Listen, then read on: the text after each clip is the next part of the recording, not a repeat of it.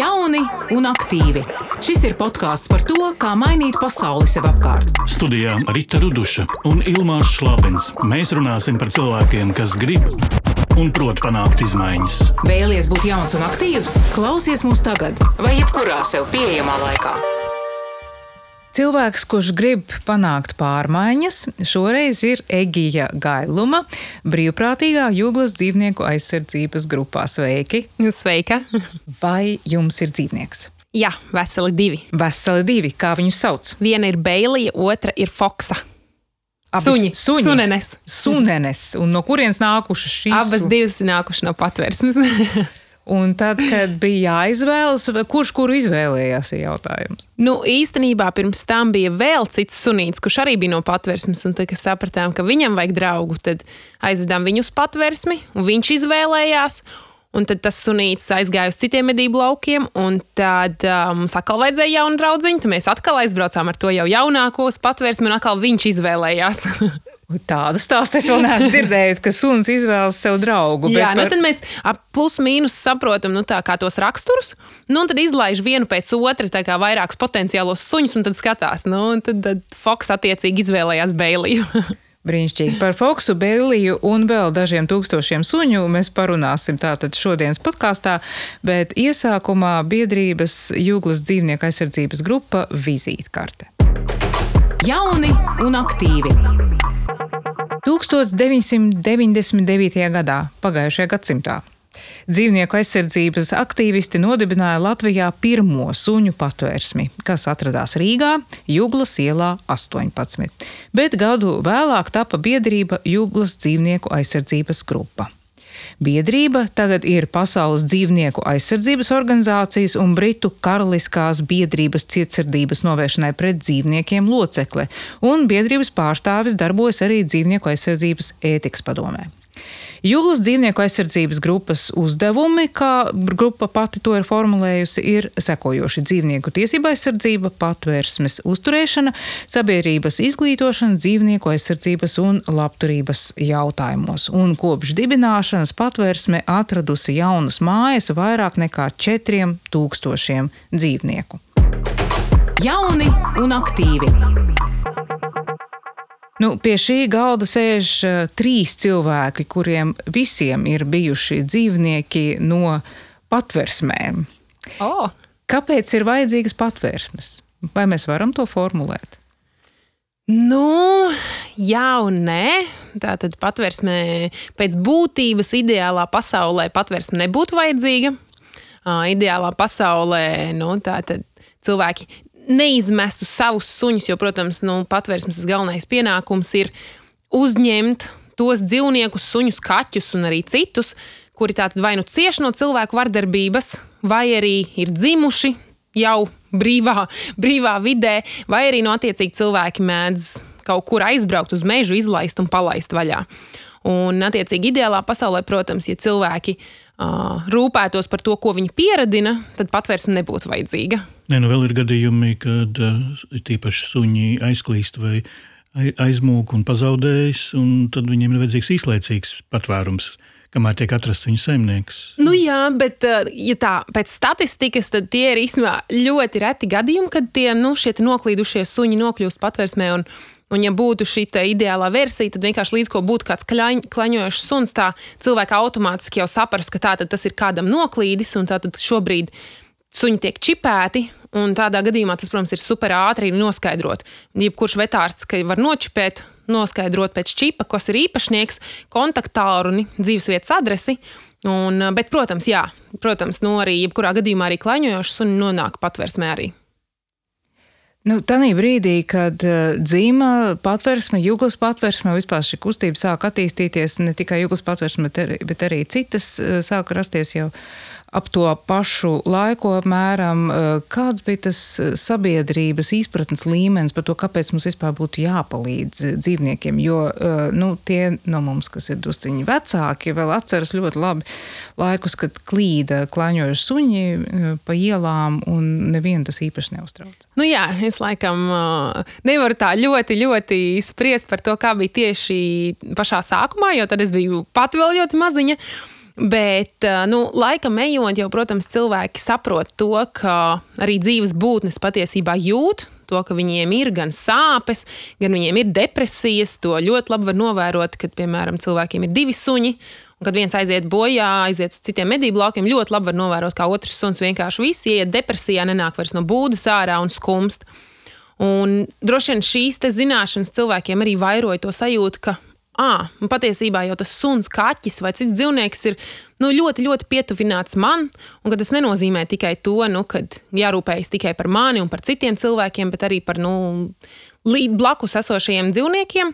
Nu, un, protams, tad jau zina, jo izveidojās vairāk tādas mazas grupiņas, jo šie, šie, protams, cilvēki tālāk izglīto nākamos, stāsta par to, kāpēc, kā, ko tas nozīmē. Un tāpat tās jau īstenībā tā ir arī sabiedrības drošība. Jo, ja ir uz ielām daudz klaņojošu dzīvnieku, tad viņi veido šīs nu, grupas, savu veidu bandas. Un, protams, ja viņi ir salīdzinošā izsalkumā, ja viņi ir dzīvojuši visu mūžu uz ielas, tad nu, nevienā mirklī mēs nevaram būt garantēti, ka viņi arī neuzbruks cilvēkiem, bērniem, citiem dzīvniekiem. Tāpēc arī nu, valstīs, kurās šī vēl joprojām ir liela problēma, tiek bieži vien novērots, kur suņu bandas ir uzbrukušas cilvēkiem. Tādēļ īstenībā tā jau pat ir sabiedrības drošība. Tā kā pat aizsargāt dzīvniekus, lai arī pats būtu aizsargāts. Bet ko atbildētu uz eh, bieži dzirdēto argumentu, ka nu, mums taču knapi pietiek eh, līdzekļu un resursu pensionāriem un, un citām akūtām sociālām vajadzībām? Tātad sakārtosim vispirms visu, kas attiecas uz cilvēkiem, un pēc tam ķersimies pie dzīvniekiem. Ko varētu atbildēt uz šādu? Jā, es, es, protams, es pilnībā to saprotu. Nu, ka, protams, ka, nu, ja cilvēkam ir tādā mirklī slikti tad, un grūti laiki, tad, protams, neviens nespēja īsti iedomāties, nu, kāpēc lai es dzīvniekam palīdzētu. Bet uh, tas varbūt atgriežas vairāk pie tā jautājuma. Nu, es īsti nezinu, kā ir latviešu, bet nu, ir compassion. Nu, ka principā sabiedrību veido tas, kā cilvēki izturās pret tiem, kuri paši sev nevar palīdzēt. Jo nu, citreiz ir, protams, tā, ka varbūt tās var cerēt, ka šīs mazāk aizsargātās grupas, ka viņi var cerēt uz saviem mazbērniem, bērniem, ka vismaz viņi atbalstīs un būs līdzās. Un, protams, dzīvniekiem ir grūti, jo viņiem, viņiem nav uz ko balstīties, un viņiem nav šie blakus līdzcilvēki, līdz ar to, nu, vai līdzdzīvnieki, kur varētu tiešām palīdzēt. Līdz ar to, nu, nav jau īsti tādas atbildes, tas vairāk ir, nu, katram pašam savs, un uh, es noteikti, nu, tā kā teiktu, jebkurā gadījumā, ja nu, mēs nepalīdzēsim šai arī dzīvnieku grupai, rezultātā ir pienākt laiks, kad cilvēkam sāks kļūt arī vienalga par otru cilvēku. Jo viss jau sākas ar maziem solīšiem. Ja nu, mēs sakām, mēs palīdzam tikai cilvēkiem, mums ir vienalga par dzīvniekiem, nu, tad nākamais solis ir man arī vienalga par visiem pārējiem cilvēkiem. Tāpēc es domāju, tā ir tāda evolūcija. Nu, tāda sabiedrības temperatūras mērīšana, arī brieduma var būt. Ja, nu, mēs, jā. mēs tomēr solidarizējamies ar, ar citiem. Um, man par to dzīvnieku izvēli. Mēs sākām ar, ar suņiem dažādajiem, kuri ir nonākuši ģimenēs, atraduši laimīgi savas mājas. Uh, nu, tā kā jūs esat brīvprātīgā, jūs arī daudz uzturaties uh, šajā patversmē un esat vērojusi šīs pirmās tikšanās un vispār kā veidojas attiecības starp uh, potenciāliem tiksim, suņu saimniekiem un suņiem. Varbūt jūs varētu padalīties savā pieredzē, nu, kas ir svarīgi Jā. pie šīs tikšanās, kā tad atrod, es, nu, jūs gadījumā suns suni un citos gadījumos cilvēks suni. Nu, jā, patiesībā gatavoties nemaz vispār nav jāgatavojās tīri no cilvēka puses. Jo nu, tad, kad tu pieņem lēmumu, ka tu vēlies sunīt un, vai kaķīt, un tu viņu vēlies tieši no patvērsmes, tad uh, atbraucot, ja piemēram tā ir ģimene, no sākuma nu, cilvēki noiet garām šiem voljēriem, apskatās tātad. Nu, Burtiski tātad pēc izskata vai pēc ieskatoties acīs.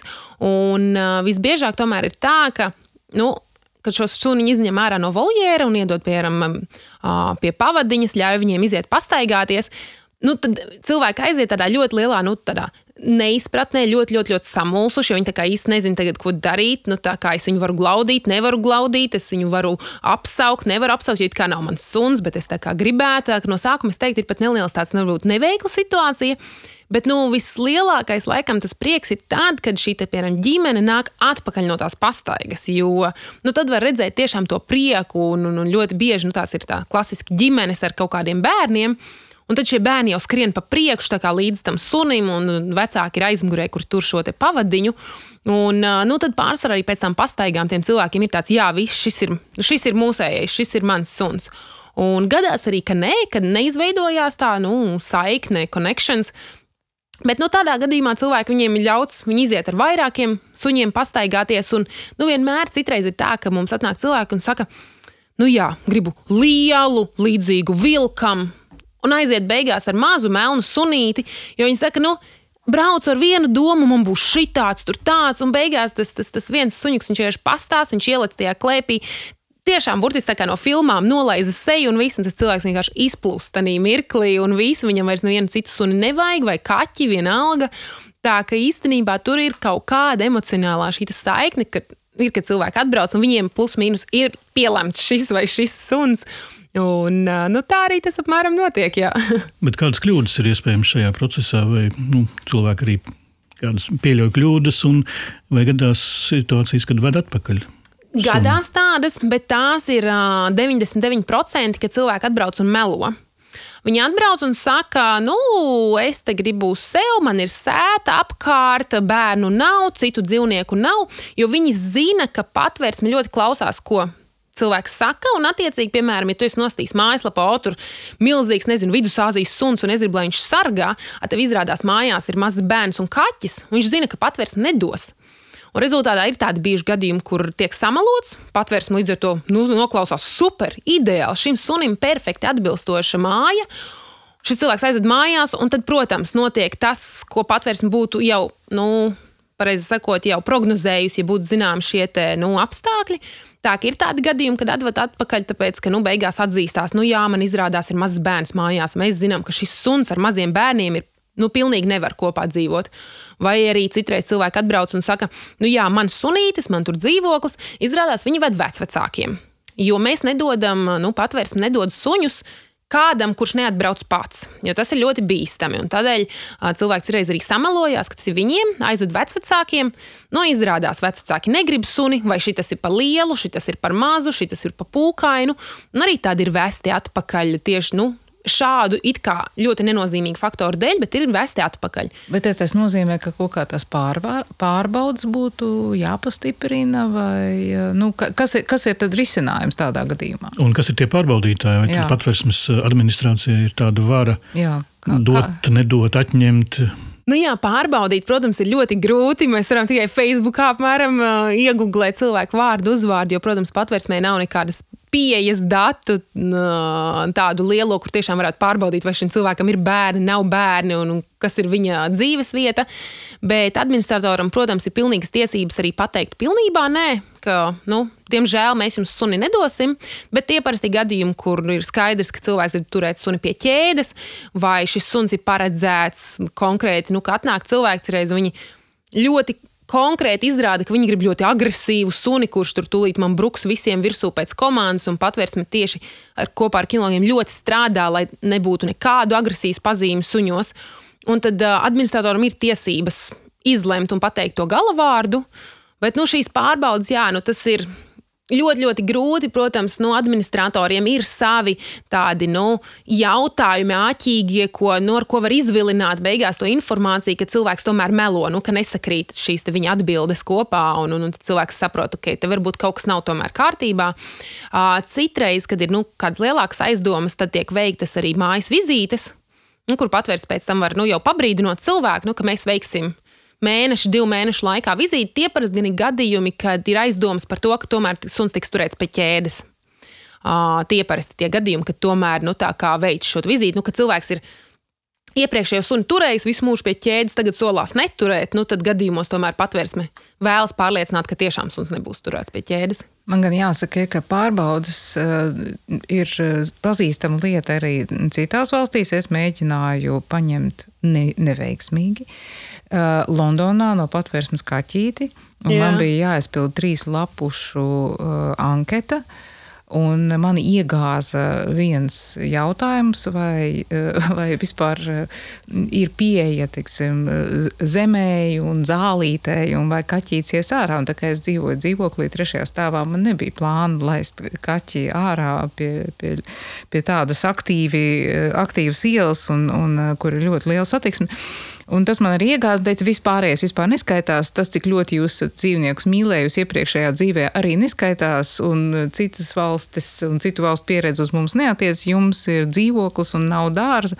Un tas, ka kaķītim nebūs iespēja kašņāties, tas tiek uzskatīts par viņa dzīves kvalitāti ierobežojušu faktoru. Um, tā kā, teiksim, pārbaudas ir, Nu, jā. ir, ir, ir vitu- visur jautājums ir, kā viņas veids un kam ir kādas tiesības eh, iejaukties un, eh, Jā. un, un tiešām inspicēt Nu, jā, mums eh, cilvēku. anketu mums nav, nav nekādu jāizpild. Tie ir vairāk jautājumi par bērniem, par citiem dzīvniekiem, ķēde, neķēde, sēta, nesēta, kura vieta un kādi vēl cilvēki atrodas mājās. Nu, tādi tīri sadzīviski, bet kaķīt uz dzīvokli dodam. Bet suņu ķēdes jautājumu tagad reglamentē likums, vai ne? Nu, jā, bet tas īsti ne, faktu nemaina. Laukos tāpat, ja pabrauksim cauri, visi tur lielākoties pie ķēdēm. Un, nu, tas, tas, tas īsti neko tāpat nav mainījis. Un, un es nezinu tieši precīzi, kāds ir tas nu, noteikums par to, kādas ir sekas šim var, piemēram, iestāties. Nē, es tagad sekojos līdzi, bet. Uh, Bet katrā ziņā nu, tas ķēžu jautājums tāpat ir ļoti aktuāls mm. un, un ļoti tur suņus pie ķēdēm. Bet tas eh, jums ir arī ierakstīts uzdevumos, ja mainīt eh, sabiedrības Jā. eh, priekšstatus ja, par, par to, kas ir dzīvnieku labturība. Nu, kādos veidos jūs to darāt un, un ko ir iespējams darīt? Lai cilvēki, piemēram, par ķēdēm aizdomātu. Nu jā, mums tā tad, protams, ka ir ļoti daudz materiāla, gan fiziskā formā, gan digitālā veidā. Ā, Tas, ko varbūt mēs tagad neesam pēdējo gadu aktīvi darījuši, bet iepriekš mēs arī staigājām pa skolām, kas ir, protams, bērnu izglītošana, ejot ar sunīšiem kopā un rādot, stāstot. Tāpat tās apmeklējam izstādes, kurās arī vienmēr mums ir līdzi materiāli, kur mēs cilvēkiem kādreiz, nu, mēs nekad uzreiz nesākam ar to jautājumu, ko jūs par to domājat. Bet, nu, ja, ja veidojās saruna, tad mēs vienmēr par to mēģinām izskaidrot, pieminēt. Nu, Tāpat, protams, patvērsmē uz vietas neviens nekad kategoriski, nu, ja mēs saprotam, ka otrs cilvēks ir paradis kopš bērnības turēt sunu pie ķēdes, tad mēs vienmēr cenšamies neagresīvā veidā. Nu, Veicināt šo te, nu, līdzjūtību, lai, lai, lai cilvēks vairāk iedomātos tās sajūtas. Un, uh, nu, jā, šobrīd nekādas citas aktīvas kampaņas mēs varbūt tās neesam veidojuši, um, bet mēs sadarbojamies kopā ar dzīvnieku draugu, ar dzīvnieku brīvību, uh, kuri varbūt ir tieši aktīvāki tajā nu, tādā sociālā vidē un, un vairāk šīs kampaņošanas, un tad mēs vairāk uzņemamies šo otru flangu, kas ir tieši vairāk patvērsmes un reāli to pēc tam dzīvnieku glābšanu, tad, kad pēc šīm kampaņām, un, bet mēs kopā ar viņiem sadarbojamies, vienmēr visas informācijas materiālus izstrādājam bieži vien arī kopā. Un, Un ko brīvprātīgais var darīt uh, patversmē? Nu, no sākuma tātad uh, brīvprātīgais atnāk un iziet um, apmācību, kas ir viena apmācība pāris stundas sestdienā, parasti vienreiz mēnesī. Šo apmācību vada pieredzējis kinologs, kurš vispār iemāca par suņu psiholoģiju. Nu, kas ir pirmais punkts, manuprāt, kas ir ieguvums brīvprātīgajiem, ir šis te pilnīgas zināšanas par to, kā apieties un ko darīt, ja suns paliek agresīvs, kā pastaigāties, kā nomierināt. Un pēc tam, kad brīvprātīgais ir saņēmis tādu kā nu, ID mazu kartiņu, ka viņš ir izgājis šīs apmācības, Viņi var sākt ar pastaigām. Tad var doties pastaigās ar suņiem, ierasties patversmē, izvēlēties suni vai sarunāt tajā dienā ar administratoru, kuram ir vairāk nepieciešama pastaiga. Var socializēt kucēnus, jo nu, tas pat ir viens no mīļākajiem darbiem, ko brīvprātīgi vienmēr grib darīt, jo kucēni ir jāsocializē, viņi nevar augt tur savā nodabā pieci gabali kopā. Un tad ir kādam tur jāpasēž stundu, divas, ar viņiem jāpaspēlējās ar kārumiem jāpamāca kaut kādas pilnīgi primitīvas, um, primitīvas komandas, tur sēdēt, gulēt. Nu, tad, protams, kad jau brīvprātīgais ir bijis kādu ilgāku laiciņu, kad viņš tomēr ir jau sapratis un zina, kur kas kā varās voljēri vaļā, tad viņi pēc tam jau var palīdzēt, protams, arī ar vispār. Kopēju uzkopšanu, suņu barošanu, voljēru iztīrīšanu, suņu pārvešanu. Tātad ir voljēri un ir lielie pastaigu laukumi. Tātad katru dienu suņi tiek pārvesti no voljeriem uz pastaigu laukumiem, kur viņi visu dienu var skraidīt. Protams, visus nevar reizē. Viņi ir jādala pa grupiņām. Ir kas draudzējās, ir kas nedraudzējās. Nu, nu, nu, pēc tam šo, protams, drīkst darīt, jo tas tāds darbiņš it kā jau liekas nekas liels, bet īstenībā diezgan bīstams, jo suņi var sakauties savā starpā, ja, ja nepareizi viņi tiek uh, aizvesti vai atvesti. Uh, nu, jā, un tad, protams, mums ir daudz un dažādu pasākumu. Gan, kā jau minēju, dalības šajās izstādēs, konferencēs, tāpat arī pašiem. Iepriekš mums bija bešķiņu suņu izstādē, tad mums ir Robina orientēšanās. Tagad plānojam atkal kaut ko jaunu izdomāt. Protams, ir dalība šajos pasākumos, kur, nu, kā viens no organizatoriem iesaistīties. Tāpat var palīdzēt, ja kādam ir spējas un, un, un, un nu, aicinājums sociālajā vidē darboties. Tad mums ir gan Instagram, gan Facebook, kur attiecīgi brīvprātīgie var šajā lauciņā izpausties. Tad ir lauciņš ar uh, ziedojumiem, ja kādam ir ķēriens vai viņš vēlas nu, mācīties, kā veidot sadarbību ar uzņēmumiem, kā uh, veicināt uh, ziedojumu veikšanu tiksim, no privātu personām. Tad ir šis lauciņš. Tā ir ļoti daudz iespēju izpausties. Kā ir ar problemātiskajiem suņiem? Jo patvērsmēs nonāk arī suņi, kas ir cietuši no vardarbības, jā, kur, kuriem ir bijuši slikti saimnieki, un suņi ir sisti vai ir turēti badā. Um, kas ir tā īpašā aprūpe, ko jūs piedāvājat šādiem suņiem, un, un kā būtu viņiem jāpieiet, tiksim, meklējot tālāk iespēju dzīvot ģimenē? Jā, šādi gadījumi ir visai bieži. Viņi dalās problemātiskie suņi, protams, dalās tie, kur ir super, super bailīgi. Un tie, kuri ir, piemēram, agresīvi. Tie, kas ir super bailīgi, ja mēs bieži cenšamies varbūt pat veidot tādas kā pagaidu mājas, kur nu, ir ar konkrētiem cilvēkiem, kuri saprot kaut ko no kinoloģijas un zina, kā ar šo sunīti strādāt. Vai arī attiecīgi viņi netiek ievietoti voljērā, bet mums tā tad ir vairākas istabas, telpas, un viņi dzīvo šajās telpās, kur attiecīgi mēs vienmēr mēģinām sarunāt kādu no brīvprātīgiem, kurš nāk bezmaz vai dienu dienā un ar šo sunīti darbojās, strādā. Um, ir kinologi vairāki, kas tātad arī nāk un konkrēti attiecībā, vai viņš ir bailīgs vai viņš ir agresīvs, strādā Tātad, um, tās ir apmācības tieši sunim pašam, tā ir pieredzināšana, tā ir socializēšana. Mm, es pati savulaik paņēmu suni, kurš bija ļoti, ļoti, ļoti, ļoti bailīgs. Pati paņēmu uz mājām viņu saprotot to, ka, nu, vajadzētu kā pagaidu mājas, un tad jau, protams, nu, kad, ko tad tur vairs ar pagaidu mājām. Bet, jā, ar suņiem strādā. Līdz ar to šobrīd es varu pilnībā apgalvot, ka no patversmes nav izgājis principā neviens agresīvs suns. Ir baili, ar bailīgiem ir grūtāk, ir vieglāk agresiju izaudzināt ārā, jo suņi parasti ir agresīvi, tā ir viņu vienkārši pašaizsardzības reakcija. Un tad, kad viņš saprot, ka, nu, ah, ok, man nav no kā baigt baidīties, tad īsnībā viņiem mazinās, bet, protams, ar šiem mēs vienmēr brīdinam cilvēkus, kur varbūt vēlētos viņu ņemt, ka tātad šim sunim viņš ieradās tādā kondīcijā, tagad viņš ir superīgs, bet tas nozīmē, nu, ka tos parasti mēs ģimenēm nedodam ar maziem bērniem, jo, nu, kādreiz, jebkurā gadījumā jāatcerās, tas ir dzīvnieks, un viņam var izprovocēt pēkšņi kaut kādas pagātnes atmiņas. Bet uh, mēs vienmēr dodam līdzi arī kinologu kontaktus, jo nu, šiem suņiem jāturpina strādāt arī nu, pēc, pēc, pēc patvērsmes. Nu, un bailīgie savukārt, nu, viņus, protams, socializē maksimāli, cik var. Un tad, ja ir cilvēki, kuri vēlas uzņemties tālāk šīs, šo socializēšanos un, un adaptēt sunīti, tad nu, parasti viņiem tas prasa vēl kaut kādu apmēram plus mīnus pusgadu līdz gadam.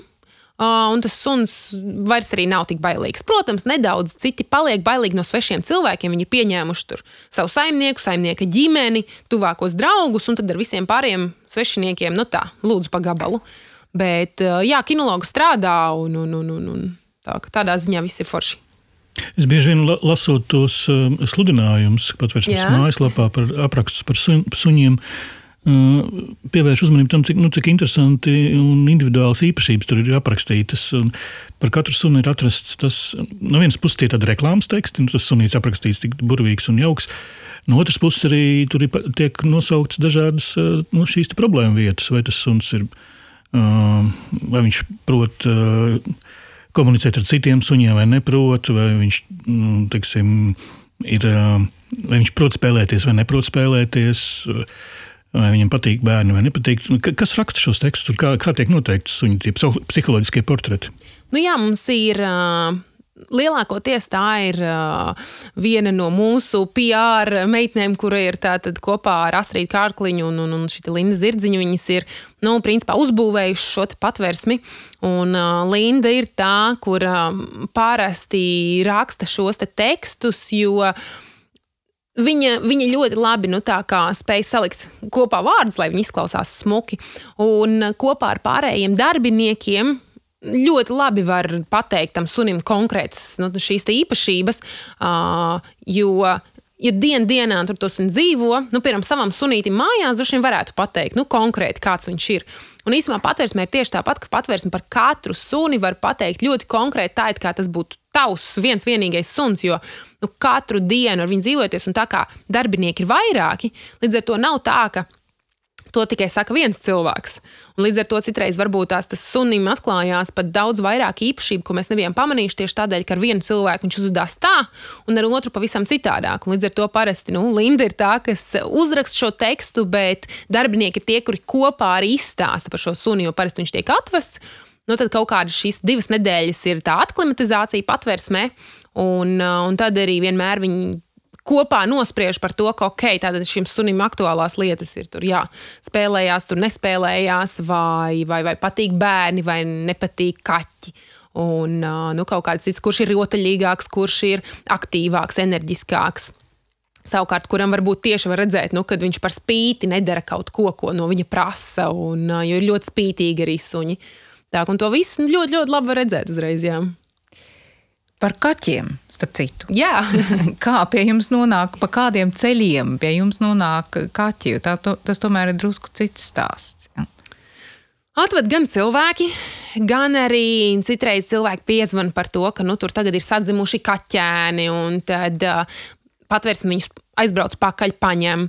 Uh, tad ir, protams, tie gadījumi, kur tiešām vienkārši nu, ir šie te, nu, tādi, tādi kā nu, vardarbības gadījumi, kur kaķītim kaut kas ir noticis, atgadījies. Un, jo citreiz ir tā, ka mēs kaķi paņemam no ielas, mēs viņu aizdam pie doktora izsterilizēt, un tad mēs viņu atgriežam atpakaļ viņa iepriekšējā dzīves vietā.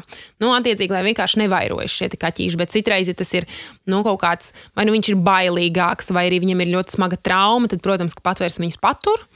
Bet ļoti bieži atved cilvēki tādēļ, ka viņi kaut kur pamanījuši, viņi nevar paiet garām, viņiem ļoti žēl, vai arī tās ir ļoti nomaļas vietas. Jo, piemēram, nu, ja pilsētā tur ir vienmēr cilvēki, kuri pabaros kaķīšus, kuri par viņiem parūpēsies, tad nomaļās vietās, protams, neviena nav. Tāpat tās pēc vasarām, vasarnīcās, dārziņos paliek kaķīši, kuri ir paņemti pavasarī, un pēc tam uz ziemu viņi tiek pamesti dārziņos. Tad ir cilvēki atbildīgi, kur piezina un pasaka, nu, ka tur ir atsiets kaķītis, kurš ir ņaud visu laiku tad arī viņi tiek paņemti. Bet jūs paši braucat viņiem pakaļ tiem, tiem kaķīšiem? Jā, jā, jā. jā, jā. Tad arī citreiz, protams, mēs palūdzam, vai viņi paši, nu, tie, kas ir piezīmējuši, vai viņi nevarētu atvest. Uh, bet, nu, ja galīgi iespējas nekādas nav, tad, protams, patvērsme aizbrauc pakaļ. Mums nav pašiem sava ķērāja šo funkciju pilda Latvijā. Mums tātad, nu, to, ko pašvaldība ir, ir certificējusi, bet, bet nu, ja vajag, tad mēs paši arī aizbraucam pakaļ. Jā. Tāpat kādreiz ir gadījumi, kad cilvēki zvana. Tas gan atkal ir par, par, par suņiem, kur cilvēks zvana. Nu, es dzirdu, ka man kaimiņš dzīvoklī sit suni. Un, un, un tad mums ir bijuši gadījumi, kad mēs kā, nu, arī paši braucam, runājam ar šiem cilvēkiem. Un policiju un... saucat? Um, lielākoties nē. Jo tam īsti nav efekta. Tie cilvēki parasti ļoti sabīstās un to sunu nedos. Mūsu galvenais mērķis ir, lai viņš tomēr to šo suni atdotu mums, un mēs tālāk varam viņu nodot kādam citam cilvēkam adopcijai. Līdz ar to nu, policija tiek saukta tikai tad, ja tas ir nu, kaut kas ļoti, ļoti, ļoti traks gadījums. Bet, ja vienkārši cilvēks zvana, saka, nu, jā, ka katru dienu nu, tur nezinu, iedzer un tad sit sunīti, nu, tad mēs cenšamies no sākuma paši tikt galā un, un sarunāt tīri pārunu ceļā, nu, ka varbūt jums nevajag suni. Un, un visbiežāk arī cilvēki patiesībā viņi arī atzīst, jā, mums īstenībā viņu nevajag. Tādēļ arī šī agresija pret to dzīvnieku, tāpēc, ka viņam viņu nevajag. Un, bet, nu, tā kā laikam kaut kāda atbildība neļauj izmest uz ielas, jo nu, suns tāpat tur gaidīs pie tām durvīm. Nu, un tad, attiecīgi, beigās mēs sarunājam, nu, ka, ka mēs tomēr no jums viņu varam paņemt bez maksas, un jums galvenais nekas nebūs jāmaksā. un tad, jā. Par maksu, par naudu runājot. Jā. Nu, patvērsmes bieži vien aicina ziedot gan uh, vecas drēbes vai, vai matračus vai tādas lietas, gan arī naudu. Un, um, uz kādiem principiem vispār darbojas patversmes un kāpēc tām trūks naudas? Nu jā, patvērsmes lielākoties visas patvērsmes uh, darbojas tikai uz ziedojumiem. Tad ir viena Rīgas pašvaldības patvērsme, kur attiecīgi saņem arī Rīgas uh, pašvaldības naudu. Bet uh, konkrētā gadījumā, piemēram, Jugla ir tikai no ziedojumiem, patvērsme arī uzcelta, viņi ir no ziedojumiem. Un, nu, ja mēs sākam piemēram ar, ar vispār tādām mantām, tad, protams, nu, jā, kad, uh, ir tāda ziemai tur visādas granulas, kas ir nepieciešamas, sēgas. Tās lietas vienmēr, protams, arī lūdz nu, cilvēkiem noziedot ne gluži drēbes, vecas drēbes, suņi vienkārši saplojnīja, un tad odere ir jāvāc pa visu patvērsmi. Bet, uh, naudiskā izteiksmē, jā, patvērsme dzīvo tikai no ziedojumiem. Tie ir gan dažādi fondi, kurus izdodas uzrunāt, kuri atbalsta tieši uh, dzīvnieku aizsardzību. Uh, tie ir uzņēmumi, kuri tātad vēlas būt sociāli aktīvi un uh, atbalsta arī dzīvniekus. Un tāpat tās arī privāti personas, kur arī lūdz ziedojumus gan vai veikalos, piemēram, ir šīs ziedojuma kastītes, vai pa telefonu var piezvanīt, ziedot, vai pieslēgt ikmēneša šo ziedojumu, kur vienkārši no bankas automātiski ik mēnesi tiek pārskaitīts ziedojums. Bet jā, patvērsme dzīvo tikai, tikai no ziedojumiem. Un, tāpat tās, piemēram, ja kāds adoptē, tikko bija tieši beztebu raidījums tieši par aktuālo tēmu, ka patvērsme prasot naudu par dzīvnieku adopciju. Tad tas arī īstenībā tas ir kā ziedojums, jo patvērsmē, piemēram, labajās mājās. Nekad netiks dots suns, kurš nav sterilizēts vai kastrēts, attārpots, atblusots, vakcinēts, izņemot, ja viņš ir zem sešiem mēnešiem, sterilizāciju nevar veikt zem sešu mēnešu vecuma. Un, līdz ar to tas ir arī īstenībā ziedojums par šiem veterinārmedicīniskajiem izdevumiem, lai varētu turpināt to darīt. Jo citādi, protams, nu, nav varbūt mums tā pati aktīvākā sabiedrība, kur ir pieradusi to, ka nu, vajadzētu noziedot katru mēnesi kaut kādu naudu patversmei. Līdz ar to tas ir veids, kā nu, saņemt arī šo ziedojumu, no tā, kā, lai nākamajam sunim atkal var uh, veikt visas šīs procedūras.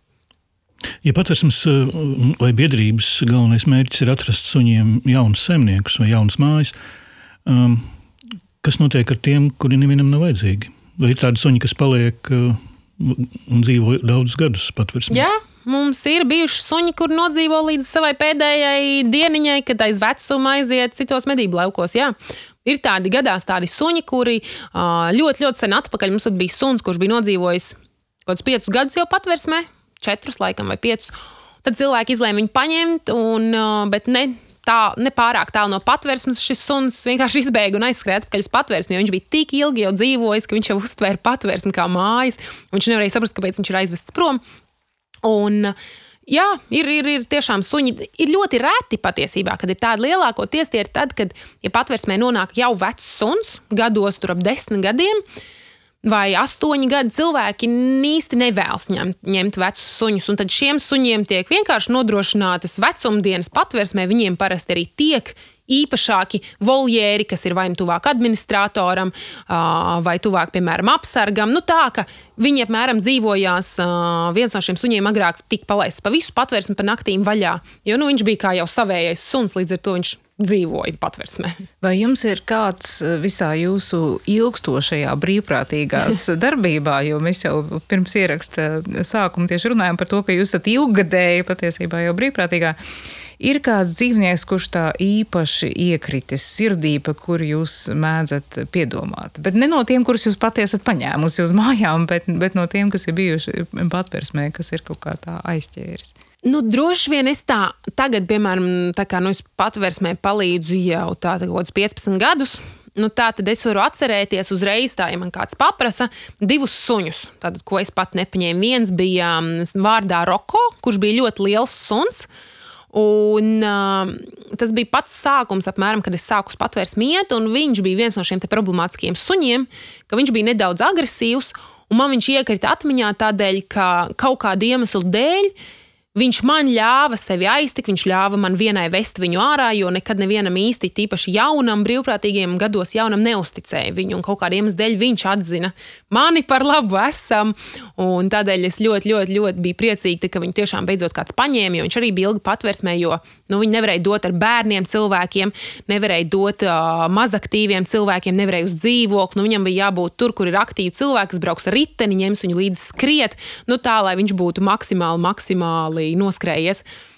Tā, tas ir tāds, ko es atceros. Viņš arī dabūja ļoti jaukas mājas. Un, un, uh, un tad otrs sunītis, tas gan ir tāds bēdīgs stāsts, kuru atveda, jo um, cilvēki bija aplējuši viņu ar skābi.